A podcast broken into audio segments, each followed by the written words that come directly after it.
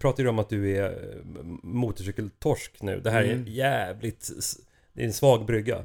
Ja. Men BMW GS, ja, det, ju, det här är inget motorcykelsegment. Det, det är mer bara en, en, en, en frågeställning. Mm. BMW GS, det är ju ett av världens starkaste varumärken när det kommer till just äventyr. Mm, jag såg spionbilder på en ny GS nu. Som, Alltså. som kommer snart. Ja. Men tänker man äventyrsmotorcykel så tänker man ju BMW GS. Ja, det gör nog många. Man tänker ju inte sporthoj eller touringglidare. Lite på något sätt den som födde hela segmentet. Ja. Lite. Och, och överhuvudtaget BMW är ju GS. Alltså man, Ja, det tror jag inte alla håller med dig om. nej men, i mångt och mycket. Ja, Du får hålla med mig för att stärka Ja, jag håller med dig. Det är 100%. Ja. Man kanske tänker någon gammal snuthoj från polismuseet men, men BMW är äventyr. Mm, Och låt mig då ställa den retoriska frågan. Ja. Varför finns det inte en enda äventyrsbil från BMW? Eller ännu värre, varför har det aldrig funnits en enda äventyrsbil från BMW? Vill inte de påstå att X5 är det då? Men X5 Nej men jag säger inte att den är det, men att de kanske tycker det.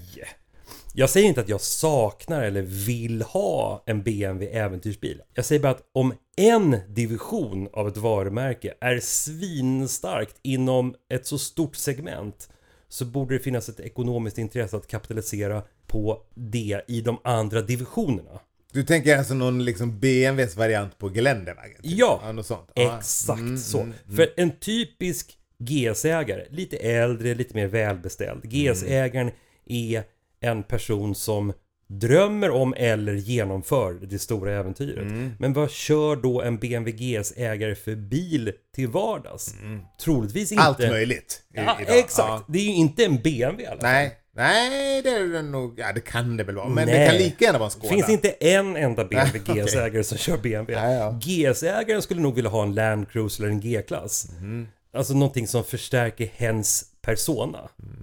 Det jag vill komma fram till är att fler motorcykelmärken borde ju tänka 360. Alltså ett helhetstänk kring sitt varumärke. Både Suzuki och Honda är ju luddiga i sina hojar och i sina bilar. Varför försöker de inte Va? Vadå hitta... luddiga i sina hojar? Varför luddiga i sina bilar, men klockrent tydliga i sina hojar tycker jag. Jag, jag säger att, att som varumärke Mhm. så borde de hitta ett tätare samarbete mellan sina olika nischer. Alltså en Suzuki Jimny, Mm. det är ju en kul och prisvärd liten mini-jeep, Mm. mini-geländewagen. Men varför finns det inte en Suzuki V-strom 6, 650 i samma färgschema som Jimnyn? Alltså Suzukis så. äventyrshoj borde ju hämta inspiration från Jimnyn. Alltså kanske samma retro-designspår. Sen har vi den här nya lilla Honda E elbilen i retro-design. Den är ganska ball. Ja. Det Eh. borde finnas elhoj då. Så. Varför finns det då inte en liten elvespa eller en elmotorcykel från Honda som ser likadan ut? Mm, jag fattar. Eller varför inte en jättestor old school Honda eh, liksom sedan? Eh, Typ en, en Ford Crown Victoria fast en Honda. Sån stor för att fånga upp Goldwing-köparna. Ja, ja, ja. Nej, det Ja. blir en skitspaning. ja, men jag gillar den. Jag tror att det är svintäta skott mellan BMW Motorrad och BMW, liksom BMW. De, de pratar inte ens med Nej, varandra. jag tror inte heller det. Eller hur? Vilket och så är är- det säkert på, är B, på, på BMW Honda är ju- och Suzuki också. Det, det, som är, det är så, så tydligt som GS är en så stark eh, Den har en så stark personlighet Mm. Men en, en GS-ägare kan ju inte gå in på en BMW Om, man, om han då är BMW-fanatiker han, han är liksom torsk på varumärket BMW För att han är så besatt av sin GS Mm. Men då har han ingenting att hämta hade det, hade det då funnits en motsvarande G-klass eller en Land Cruiser fast som var tillverkad av eh, BMW Då hade ju Mm, GS-köparen köpt den bilen Mm, det är en intressant frågeställning Ja. faktiskt. Mm. Mm. Apropå det då. Kör vi dealen med hojen nu tycker jag. Ja, Northbike. Dream it, live it.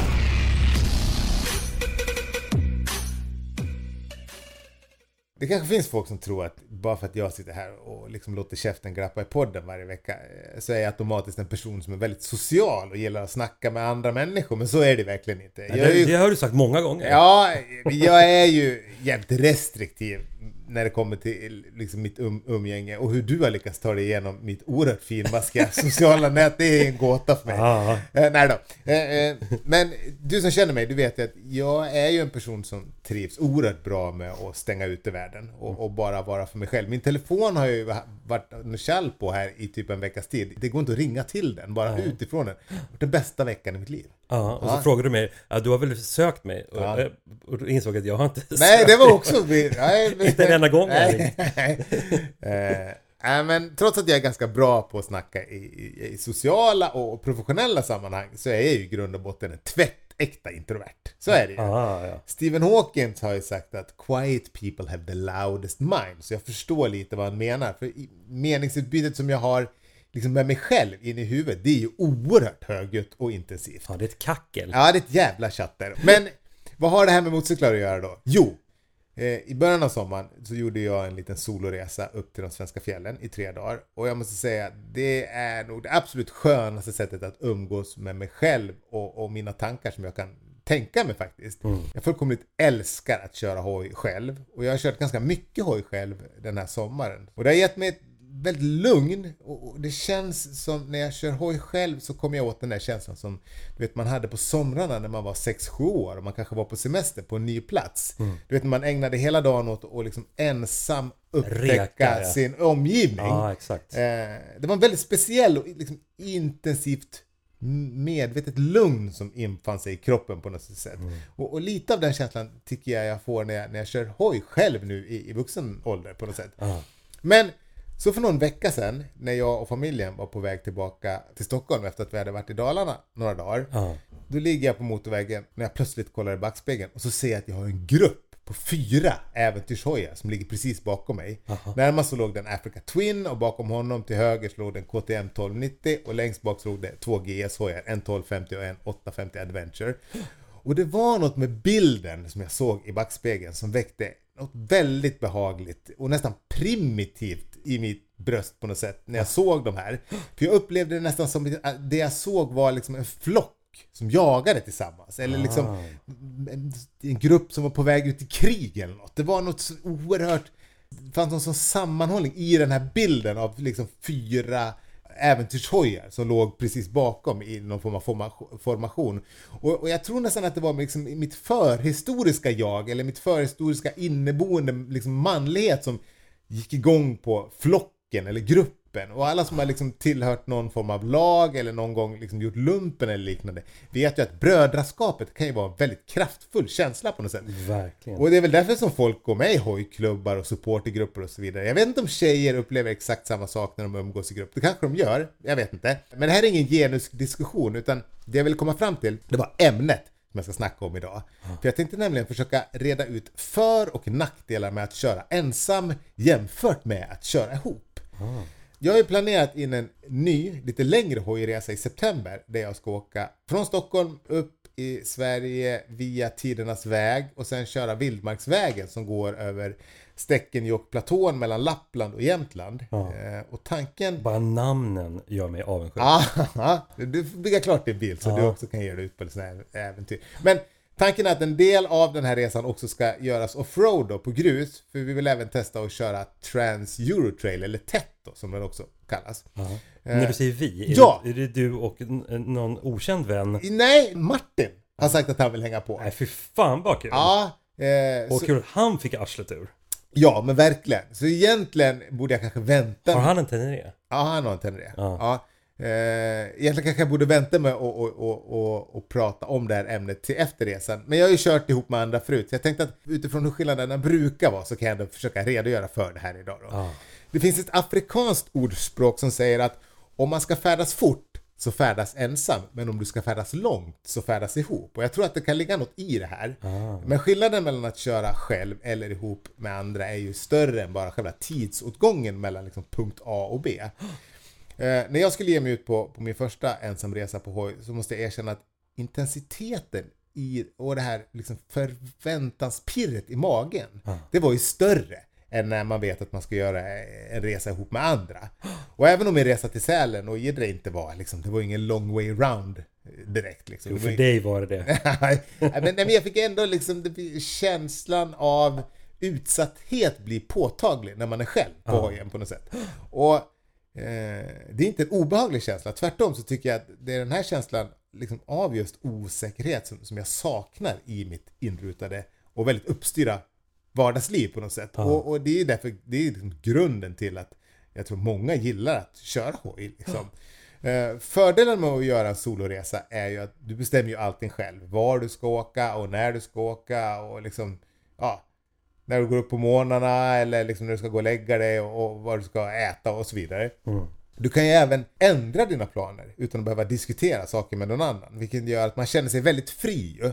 Men baksidan är ju att det blir lättare att man blir lite bekväm och inte pusha sig lika hårt när det kommer till liksom Eh, ja men till exempel, man blir inte lika benägen att välja små grusvägar som man inte känner till om man är själv. För man vet ju att om det skulle hända något så, så blir det liksom mycket krångligare. Eh, när man inte har någon som kan hjälpa en då. Vilket gör att man kanske missar att ta sig till en del spännande och fina platser. Som man annars skulle, eller som man skulle ha gjort då om man var, om man var ihop med någon kompis. En annan sak med att planera en resa själv eh, kontra att göra det ihop med en eller flera kompisar är ju att chansen att resan faktiskt blir av, den ökar med ungefär 100%. För är det något man har lärt sig när man är vuxen så är det ju det att det är nästan omöjligt att planera in saker som kräver lite framförhållning. För det är ju alltid någon jävla fotbollsträning eller något annat skit som kommer emellan. Så mitt tips är att om man verkligen vill göra en resa så tycker jag att man ska planera in den utifrån att det- är en soloresa. Mm. Men sen bjuda in den eller de som man tycker att det skulle vara kul om de hänger på eh, då. Men häng inte upp hela resan på huruvida liksom din kompis ska följa med eller inte. För då ökar ju chansen att något kommer emellan och liksom resan inte blir av. Det är också väldigt smart som du i ditt fall nu. Det är ju att göra en sån här lång resa med en snut. Hur tänker du då? Jag menar ur ett fortkörningsperspektiv. Ja, men vi åker ganska långsamt på det här nu. Så det, det är ni, ni kan ju, det, det är ju enklare att bryta mot trafikregler om man Ja, gör det tillsammans vi, med en Vi polis. får väl se. Ja, men en annan skillnad Det roliga vore ju om han satte dit dig. Ja, precis. Varenda kväll Ja. så får du liksom... En bot. Jag sitter på min hoj. Vad har jag gjort idag? Jo, det ska jag tala om för. Han åker med snubbe. Ah, skitsamma. En annan skillnad mellan resa själv eller ihop med andra är ju det att om du själv så är ju chansen större att man stöter ihop med människor på vägen som man börjar prata med. Jag berättade att jag träffade en gammal roadracingförare som berättade om hela sitt liv när jag stannade och käkade lunch eh, på min senaste Ja. resa. För om man stannar till själv på till exempel en rastplats eller en bensinmack då är det mycket lättare för folk liksom att komma fram och börja prata med dig än om det rullar in två eller flera hojar. Då brukar ju inte folk komma fram och prata generellt då. Och även om, om jag som sagt inte är en person som har något större behov av att lära känna nya människor så, så brukar just den här typen av samtal ganska snabbt bli så här väldigt öppenhjärtliga. Och det, kan jag, det kan jag verkligen gilla. Det jag har svårt för det är sånt där innehållslöst kallprat om väder och vind. Men när man börjar prata med någon när man är ute och åker hoj, då, då brukar det oftast finnas en liksom genuin nyfikenhet i botten eller en känsla av samhörighet på något sätt. Och, och den typen av snack tycker jag jättemycket om. Detsamma gäller ju om du till exempel skulle behöva hjälp. Står du efter vägen och har punktering själv, då är ju chansen ganska stor att någon kommer stanna och hjälpa dig. Men om du är flera stycken, ja då får du ju stå där. Å andra sidan så är det ju väldigt mycket skönare att ha någon med sig då, för då kan ju han eller hon åka och fixa en ny slang, eller om soppan är slut så, så kan ju din polare åka och tanka upp och, och komma tillbaks.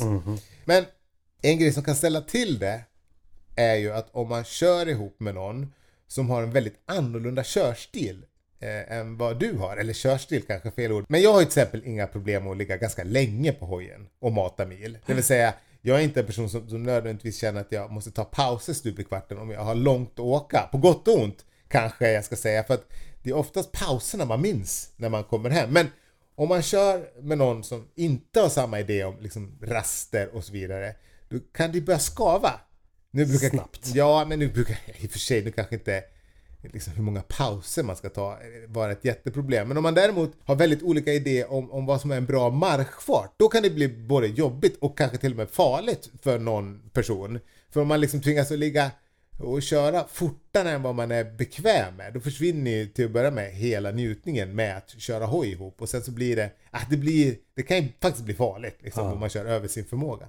På samma sätt kan det vara olidligt segt att ligga och köra långsammare än vad man själv vill köra. Ja. Och det här behöver inte bero på hur duktig man är på att köra utan det kan ju till exempel eh, vara så att om, säg att du ska åka ner till Tyskland med din polare och du har liksom en KLR 650 och polaren har en BMW F900 XR, då är chansen att din kompis kommer hata dig innan du ens har kommit till Södertälje. För liksom de hojarna är lite svåra att liksom, ja, markfart på, på, på en F900 XR det är liksom 140 skönt att ligga. Men, men på en KLR 650 då är det liksom 80-90 trevligt liksom.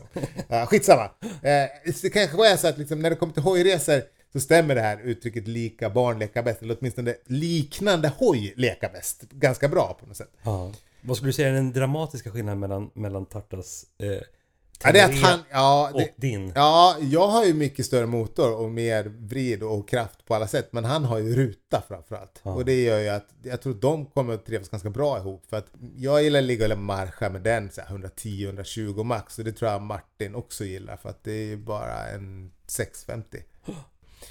Eh, en annan grej är ju att om man ska resa ihop så, så behöver man ju en ungefärlig samsyn kring hur långt man ska köra varje dag. Jag tycker inte att 40-60 mil kan räcka för en dag eftersom hojen jag kör som sagt då inte har någon framruta vilket gör att jag blir tröttare än om jag satt på en Goldwing. Men oavsett hoj så är det ju precis som med hastigheten att tvingas man köra längre än, än vad man tycker är skönt då försvinner ju hela njutningen med, med resan ganska snabbt. Ja.